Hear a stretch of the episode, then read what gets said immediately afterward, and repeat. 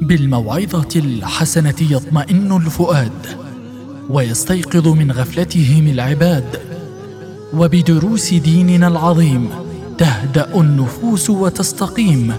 بساتين من المواعظ والنفحات الإيمانية نقدمها لكم في برنامجكم الرمضاني طمئن فؤادك.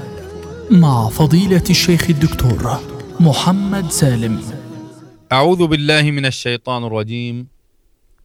بسم الله الرحمن الرحيم. الحمد لله رب العالمين. والصلاة والسلام على سيدنا محمد وآله وصحبه ومن والاه. مستمعي الأكارم مستمعو إذاعة الشباب. أسعد الله أوقاتكم بكل خير. ونسعد بلقائكم عبر هذه الموجة ضمن برنامج طمئن فؤادك. لنتحدث في هذه الحلقة في ظلال موضوع مهم. مرتبط ارتباطا وثيقا باللسان لأنه يصدر عنه. وهو عند الله تعالى كبيرة من الكبائر. وهو في الوقت ذاته هين, هين عند كثير من الناس. إنه موضوع الغيبة. فالغيبة ذكر المسلم لأخيه المسلم بما يكره في غيبته. وقد بينه النبي صلى الله عليه وسلم إذ قال أتدرون ما الغيبة؟ قالوا الله ورسوله أعلم. قال الغيبة قال ذكرك أخاك بما يكره. قيل أفرأيت أفرأيت إن كان في أخي ما أقول؟ قال إن كان فيه ما تقول فقد اغتبته وإن لم يكن فيه ما تقول فقد بهته. يعني قلت فيه بهتانا وهو الغيبة مع الظلم وهو الغيبة مع الظلم. وقد جاء النهي القرآني صريحا عن الغيبة بدون أي تورية. قال الله سبحانه وتعالى ولا يغتب بعضكم بعضا أيحب أحدكم أن يأكل لحم أخيه ميتا؟ فكرهتموه. واتقوا الله إن الله تواب رحيم. وعقب الله النهي عن الغيبة في هذه الآية بمثل موحش تقشعر منه الأبدان وتنفر منه النفوس. قال أيحب أحدكم أن يأكل لحم أخيه ميتا؟ فكرهتموه. شبه أكل لحمه ميتا. المكروه للنفوس غاية الكراهة. شبهه بالغيبة. فكما أنكم تكرهون أكل لحم الجيفة أعزكم الله وخصوصا إذا كان ميتا فاقد الروح. فكذلك فلتكرهوا أيها المسلمون غيبة المسلم وأكل لحمه حيا. والنبي عليه الصلاة والسلام حذر عن الغيبة. والنبي عليه الصلاة والسلام نهى عن الغيبة وحذر من فعلها. قال يا معشر من آمن بلسانه ولم يدخل الإيمان قلبه لا تغتابوا المسلمين ولا تتبعوا عوراتهم فإنه من يتبع عوراتهم يتبع الله عورته. ومن يتبع الله عورته يفضحه في بيته. يا الله يا الله لو أن كل واحد منا فكر في هذا الحديث وفي هذه العاقبة لحفظنا ألسنتنا عن هذه الغيبة. لا تغتابوا المسلمين ولا تتبعوا عوراتهم. فإن من يتبع عوراتهم يتبع الله عورته ومن يتبع الله عورته يفضحه في بيته. يا الله.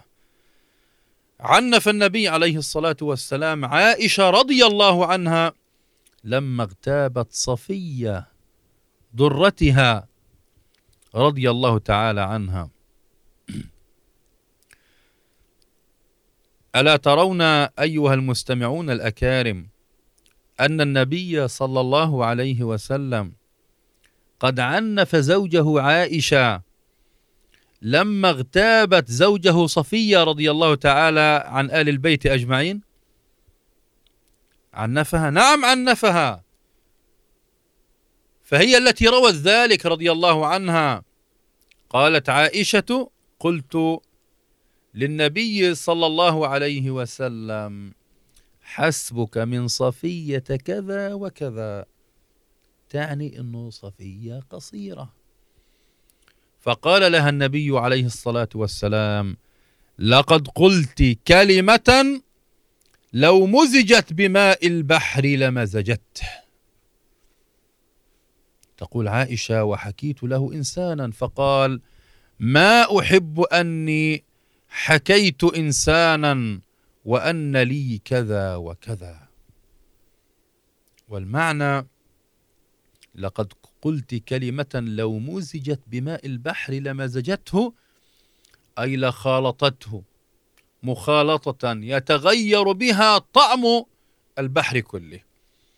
أو أن ريحه لشدة نتنها والعياذ بالله وقبحها. وهذا من أبلغ الزواجر عن الغيبة. يتكلم الإنسان كلمة عن أخيه عن جاره عن قريبه في غيبة في غيبته يا الله لو مزجت بماء البحر لغيرت لغيرت. فيا أيها المستمع الكريم فلنتقي الله تعالى ولا نقع في وحل الغيبة. ولنعلم أن للغيبة اسبابا منها شفاء غيظ. إنسان بده يفش. غله زي ما بنحكي في العامية. بده يشفي غيظه. فبروح بيذكر فلان فيه كذا وكذا. أو إنه بده يساعد إنسان آخر أو قوم ينصرهم على هذا الإنسان فيصبح يدرج لسانه على على الغيبة. أو تهمة انه إنسان بيتهم إنسان آخر فيذكره في غيبته أو انه إنسان بصدق خبر بدون تثبت. فبمجرد إنه فلان يقول له إنه فلان تكلم في حقك فيترك للسانه العنان أن يطعن في فلان وفلان عارفه وقصصه كثيره وحدويته هو نسي إنه يوم كذا ويوم كذا. تأخذه الغيبه في الناس بمجرد خبر دون أن يتثبت منه أو الغيبه بسبب سوء ظن أو بسبب حسد. بعض الناس للأسف بيقول إنه فلان على إيش ربنا معطيه؟ وفلان على إيش؟ كل هذا. لا إله إلا الله. نقع في كبيرة من الكبائر. وإحنا بنحسد الناس. لما بنغتابهم وبنذكرهم في غيبتهم بما يكرهون. أو إنه الإنسان بيغتاب إنسان سخرية كما في حديث آه، عائشة رضي الله تعالى عنها لما قالت إنها قصيرة أو تعجب أو تبرم وتسلية كثير من الناس وللأسف يتركون العنان لألسنتهم في غيبة الناس. كانه الإنسان قاعد يتسلى يتسلى في أحوال الناس. وأعراضهم أو انه الإنسان بيذكر ذلك من باب التزين والمفاخرة. أنا أفضل من فلان شهادتي أفضل من شهادة فلان أولادي أفضل من أولاد فلان. هذا هذه أمور عديدة من أسباب الغيبة فلنتقي الله سبحانه وتعالى. فصاحب الغيبة يعذب في النار بأكل النتن القذر والعياذ بالله تعالى. الغيبة بتأتي على المغتاب بأضرار عديدة. الغيبة يا إخوان مرض اجتماعي بيقطع أواصر القربة ويذهب المحبة اللي بين الناس. الغيبة معول هدام في المجتمع وشر مستطير بتظهر آثاره واضحة في المجتمع اللي بتفشو فيه الغيبة بين فئات المجتمع.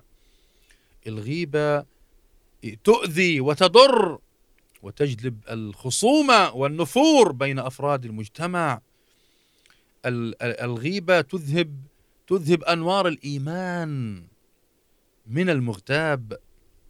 بتذهب أنوار الإيمان من المغتاب وبتضعف آثار إسلامه بين الناس. لا يغفر للمغتاب حتى يعفو عنه من نال من عرضه.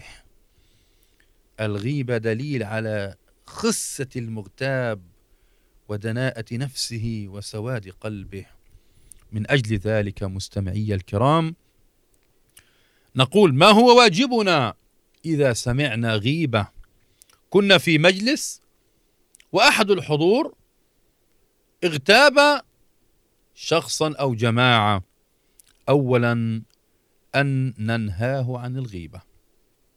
لأن الغيبة منكر والنهي عن المنكر واجب. ثانيا أن لا تظن بأخيك الغائب الظن السوء. فإساءة الظن بالمسلم حرام. والله تعالى يقول إن بعض الظن إثم. وثالثا لا تتجسس على أمر الغائب. فإن الله تعالى نهى عن التجسس فقال ولا تجسسوا. ورابعا ما لا ترضى من هذا المغتاب لا تفعله أنت. يعني لا تقل لأحد إن فلان يغتاب الناس. وأخيرا لا تنقل الغيبة لصاحبها الغائب. فتقع في النميمة وهي نقل الكلام على سبيل الإفساد وكلاهما من الكبائر الغيبة والنميمة. طيب إذا إخواني وأخواتي الكرام كيف يتوب المغتاب؟ يتوب المغتاب يتوب بالاستغفار والتوبة إلى الله تعالى وأن يستحل نفسه ممن كان قد اغتابهم. فإن لم تبلغ الغيبة إلى صاحبه فتوبته أن يستغفر الله سبحانه وتعالى.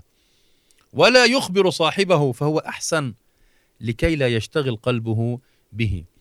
يعني فلان اغتاب فلان لكن هذا الغيبة ما وصلت للمغت... لمن اغتيب. فخلاص نكتفي بالاستغفار والتوبة. أما إذا الخبر وصله أنه فلان اغتابك فلا بد من أن نطلب منه السماح. أن يحلل الإنسان نفسه. ولو أنه قال بهتانا لم يكن ذلك فيه فإنه يحتاج إلى التوبة في ثلاثة مواضع. الأول أن يرجع إلى القوم الذين تكلم بالبهتان عندهم ويقول إني ذكرت عندكم فلانا بكذا وكذا فاعلموا أني غير صادق فيما ذكرت لكم. المجلس اللي اغتاب فيه يرجع يعدل ويصوب الكلام ويقول اللي قلته أنا هذا كان كلام مش صحيح. والثاني يذهب إلى الذي قال عليه البهتان ويطلب منه السماح. والثالث أن يستغفر الله تعالى ويتوب إليه. أخي المستمع أختي المستمعة ليكن حظ المسلم من كل واحد منا ثلاث خصال. حتى نكون من المحسنين إن شاء الله. الأول أنك إن لم تنفعه فلا تضره. ما بتقدر تنفع المسلم ما تضروش. والثاني إن لم تسره فلا تغمه.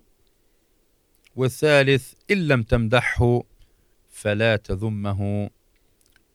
وإلى لقاء آخر. والسلام عليكم ورحمة الله تعالى وبركاته.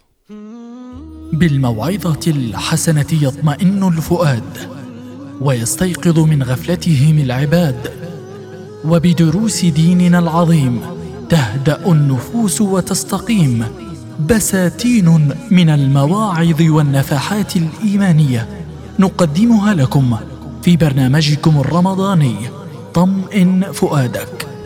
مع فضيلة الشيخ الدكتور محمد سالم.